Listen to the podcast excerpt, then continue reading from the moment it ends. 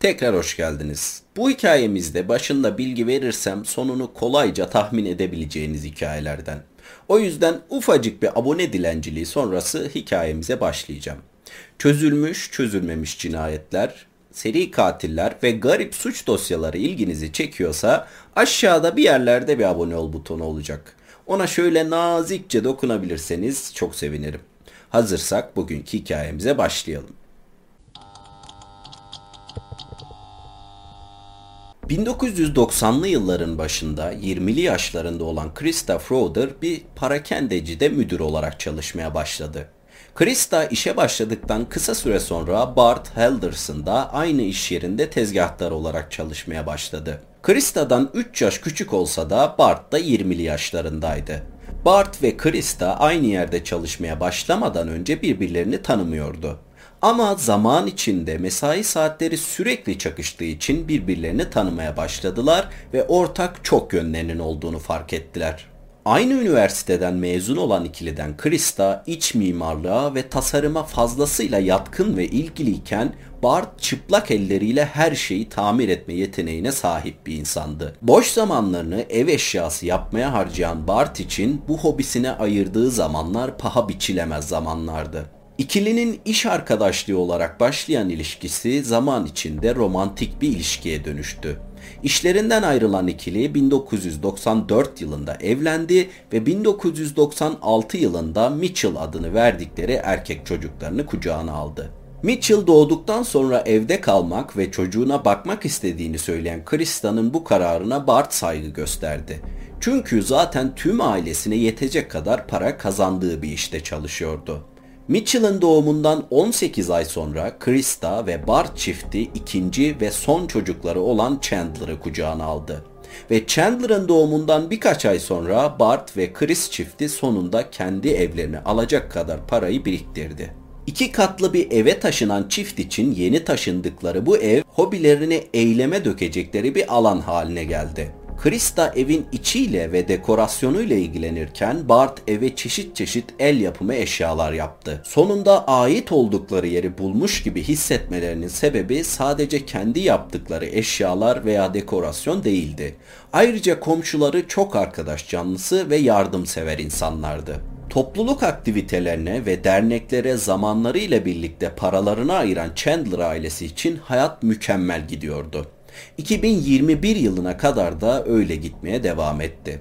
2021 yılına gelindiğinde büyük kardeş olan ve 25 yaşında olan Mitchell kendi evine taşınmış, üniversiteden mezun olmuş, yazılım mühendisi olarak çalıştığı iyi maaşlı bir işe girmiş, nişanlanmış ve kendi evini almak için yeteri kadar para biriktirmişti. O dönem 23 yaşında olan Chandler ise hala anne ve babasıyla yaşıyordu. Ailesine yük olmamak için eğitiminden kalan zamanlarda part-time olarak bir sigorta şirketinde çalışıyordu. Üniversite son sınıfa giden Chandler'ın eğitimi bitince SpaceX'te başlayacağı işi de hazırdı. Fakat SpaceX'teki işine başlayamadan haftalar önce talihsiz bir kaza yaşadı. Evdeki merdivenlerden düşüp kafasına darbe alan Chandler sadece düştüğünü, ufak bir kaza olduğunu düşünse de günün ilerleyen saatlerinde bacaklarında karıncalanmalar ve baş dönmeleri yaşamaya başladı. Panikleyip doktora gittiğinde ise bir beyin kanaması geçirdiğini, ileride kesinlikle ameliyat gerekeceğini, ayrıca düşerken fark etmese de bacağındaki sinirlerin kalıcı olarak hasar aldığını öğrendi. Bir medikal boyunluk ve yürüme değneğiyle evine dönen Chandler'ın hayatı SpaceX'ten gelen artık dönmesine gerek kalmadığı haberini de alınca iyice alt üst olmuştu.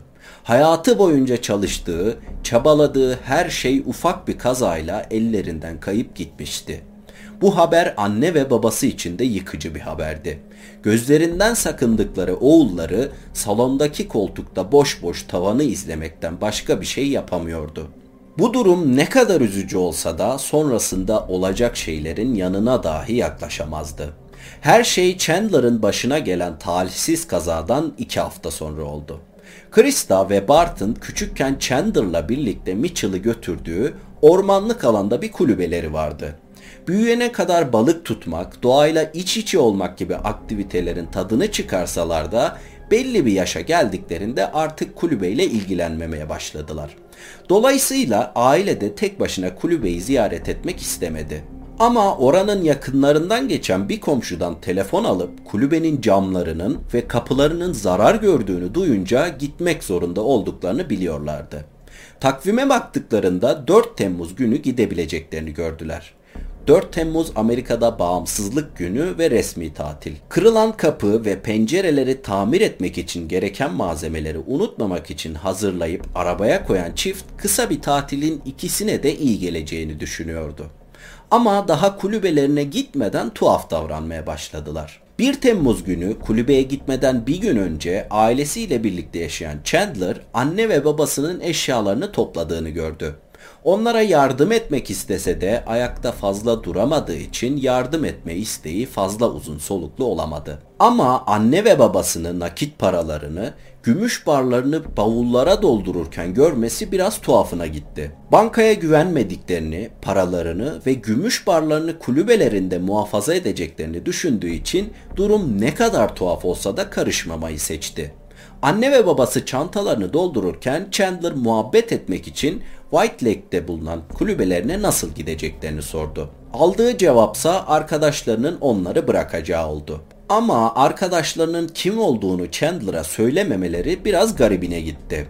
Çantaları topladıktan sonra giriş kapısının sağ tarafına bıraktılar ve herkes odasına çekilip uyudu. Ertesi sabah saat 6'da uyanan Chandler aşağı indiğinde anne ve babasını görmeyi bekliyordu ona haber vermeden gitmiş olamazlardı. Fakat aşağı indiğinde önceki akşam hazırlanan ve kapının sağ tarafına bırakılan çantaları göremedi. Pencereden baktığında arabaları hala dışarıdaydı. Söyledikleri gibi arkadaşları gelmiş ve onları almıştı. Chandler ailesinin kendisine haber vermeden gitmesine çok üzülse de evleri boş olduğu için her erkeğin yapacağını yaptı ve kız arkadaşını arayıp eve davet etti. Hafta sonunu kız arkadaşıyla birlikte geçiren Chandler'ın içinde yaşananlardan dolayı bir kuşku olsa da bu kuşku pazar akşamı annesinden gelen mesajla yerini mutluluğa bıraktı. Mesajda tatilleri için gittikleri otele geldikleri, otelin dolu olduğu, kulübeye bugün yani pazar günü gidecekleri, eve ise pazartesi gecesi veya salı günü erkenden dönecekleri yazıyordu. Chandler mesajı okuduktan sonra rahatlasa da pazartesi günü olduğunda kimse gelmedi ve aramaya çalıştığında telefonları kapalıydı. Salı günü olduğunda durum yine aynıydı. Eve hala kimse gelmemiş ve telefonları hala kapalıydı. Krista'nın iş yerinden gelen telefonla şüpheler iyice artmaya başladı. İş yerinden gelen telefona göre Krista'nın tatile gittikleri gün olan cuma günü de dahil olmak üzere çalışması gerekiyordu. Döneceklerini söylediği pazartesi ve salı günü de. Yani Krista bu tatile kimseye haber vermeden gitmişti ve patronuna göre Krista birkaç dakika dahi geç kalsa bunu bildiren bir insandı. Annesinin iş yerinden gelen telefonu kapatır kapatmaz babasının iş yerinden de aynı telefonu aldı. 7 Temmuz çarşamba günü anne ve babasından haber alamayan Chandler polise gidip kayıp bildiriminde bulundu. Kayıp bildirimini alan ve olayları dinleyen polis ilk iş olarak White Lake polisiyle iletişime geçti ve ailenin gideceğini söylediği kulübeyi kontrol etmelerini istedi.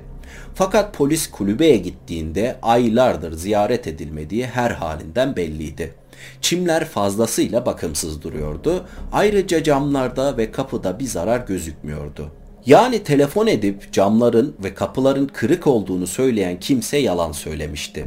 Şüpheler telefon eden kişi üzerine yoğunlaştı.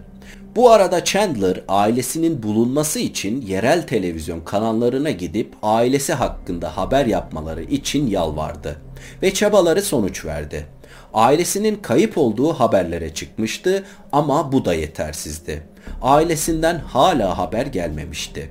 8 Temmuz günü Chandler ailesini bulmak için kapı kapı gezip ailesini almaya gelen arabanın kamera görüntülerini aramaya başladı. Arabayı tanıyan birileri çıkarsa ailesini bulabilirdi. Ama Chandler ailesine ulaşmadan önce polis bir ipucunu takip ederek kayıp dosyasını kapatmayı başardı.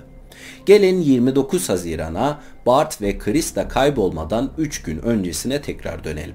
29 Haziran günü Bart'ın sabrı sonunda taştı. Bart'ı uzun süredir rahatsız eden bir durum vardı ve sonunda bu durumla ilgili aksiyon almaya karar verip telefonunu çıkardı ve numarayı çevirip telefonu kulağına götürdü. Birkaç çalma sesinden sonra telefonu Omar Job isimli genç bir adam açtı. 17 dakika süren telefon konuşmasının ilk yarısında Bart fazlasıyla kızgındı ve yanıt istiyordu. Konuşmanın ikinci yarısındaysa Omar sonunda konuşma fırsatını eline geçirdiğinde Bart artık kızgın değildi. Yenilmiş hissediyordu. Telefonu kapattıktan sonra daha gergin bir görüşme yapması ve bir grup insanla Omar'dan öğrendiği şeylerle ilgili buluşması gerekliydi. 1 Temmuz günü öğlen saat 3 için bu görüşmeyi ayarladı. 1 Temmuz günü geldiğinde evinden çalışan Bart saatini kontrol etti. Saat 2'ye geliyordu. Gideceği yerin yaklaşık bir saatlik mesafede olduğunu bildiği için elindeki işi bırakıp Chandler'a sen ne zaman hazırsan ben de hazırım yazan bir mesaj attı. Chandler bu görüşmenin babası için ne kadar önemli olduğuyla birlikte yaptığı telefon görüşmesinden sonra babasının çok kötü bir durumda olduğunu da biliyordu. Bu yüzden babasını yalnız bırakmak istemedi. Görüşmeye onunla birlikte gitmek istedi. Mesajı gördükten sonra salona inen Chandler babasıyla görüşmeyle ilgili birkaç dakika sohbet ettikten sonra gitmeye hazır olduğunu söyledi. Bart önde kapıya doğru giderken Chandler önceki gün salona sakladığı tüfeği yerinden çıkartıp Bart'ın sırtına iki el ateş etti.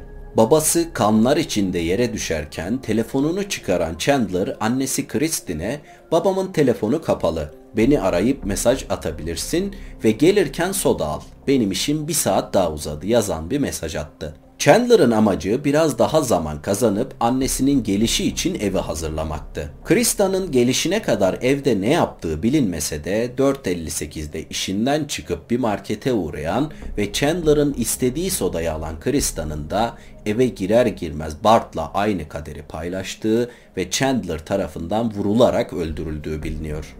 Peki neden? Çünkü Chandler çifte hayat yaşıyordu. Chandler üniversiteden asla mezun olmadı. Hatta üniversiteye sadece bir dönem gitti ve bu dönemde de dersleri felaket denebilecek derecede kötüydü. Bir sigorta şirketinde de çalışmıyordu. Ailesine evden çalıştığını söyleyerek tüm gün odasında oyun oynuyordu.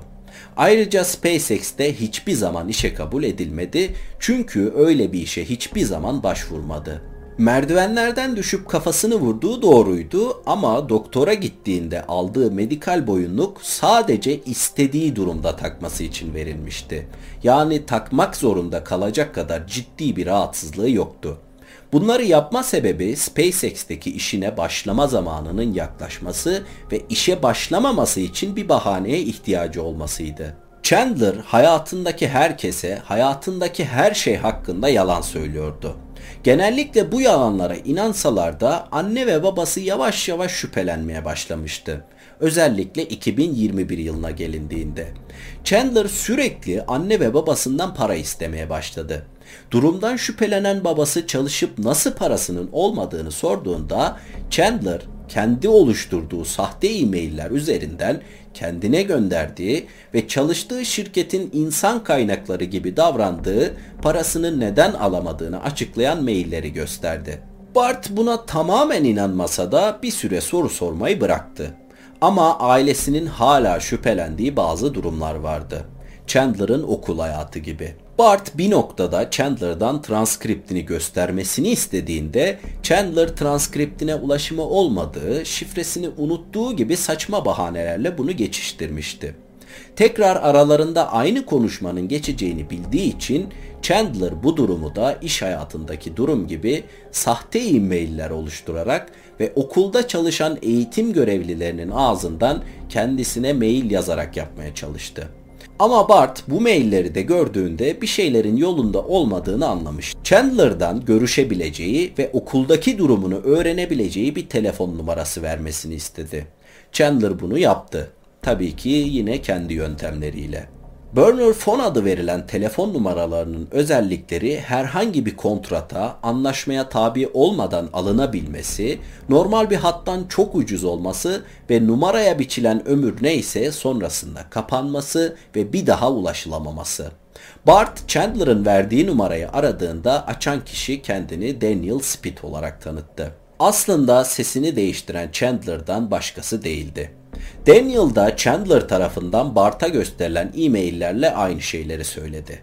Teknik bir hata olduğunu, şu an transkriptlere ulaşılamadığını ve beklenilmesi gerektiğini ve sonunda 29 Haziran 2021 günü Bart bu geçiştirmelerden, kaçak cevaplardan çok sıkılıp Chandler'ın okuduğunu söylediği Madison Üniversitesi'ni arayıp Chandler gibi davranıp transkriptini istemeye karar verdi. Bart'ın telefon edip kızgın ve tehditkar bir şekilde başladığı konuşmada Omar sonunda konuşmaya fırsat bulduğunda Bart yıkılmıştı.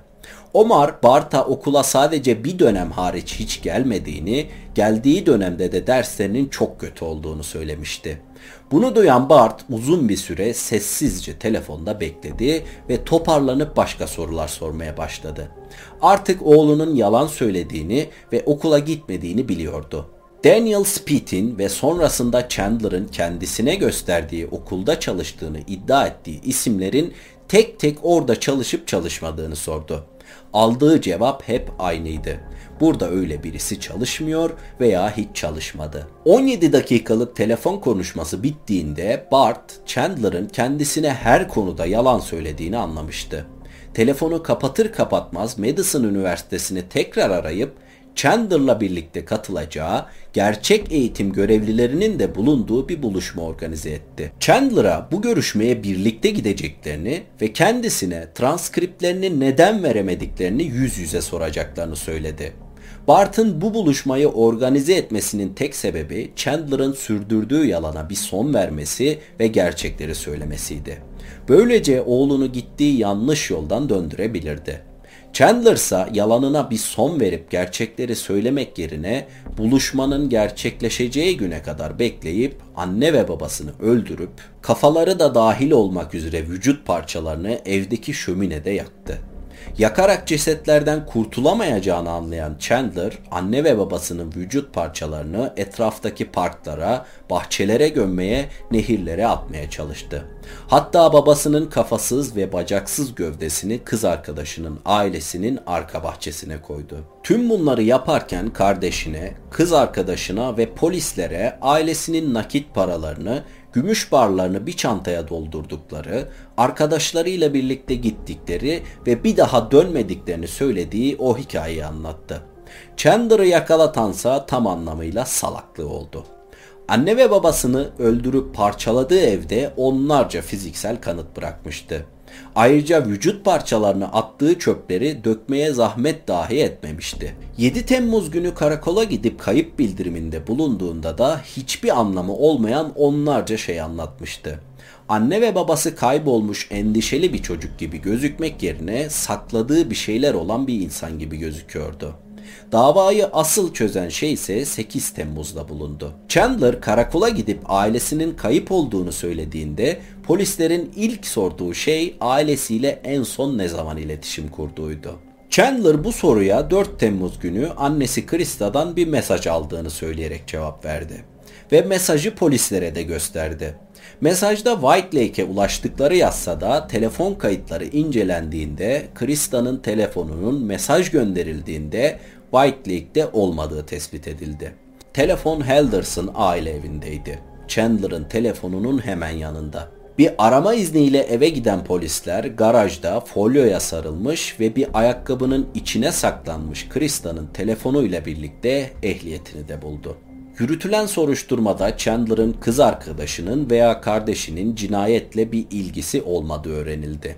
Chandler tüm bu iğrençlikleri tek başına yapmıştı. Tutuklanıp mahkemeye çıkarılan Chandler şartlı tahliye imkanı olmadan ömür boyu hapis cezasına çarptırıldı. Vakit ayırıp dinlediğiniz için teşekkür ederim. Aşağıya bırakacağım sosyal medya hesabımdan bana ulaşabilir, hikaye önerebilirsiniz. Kendinize iyi bakmayı ihmal etmeyin. Hoşçakalın.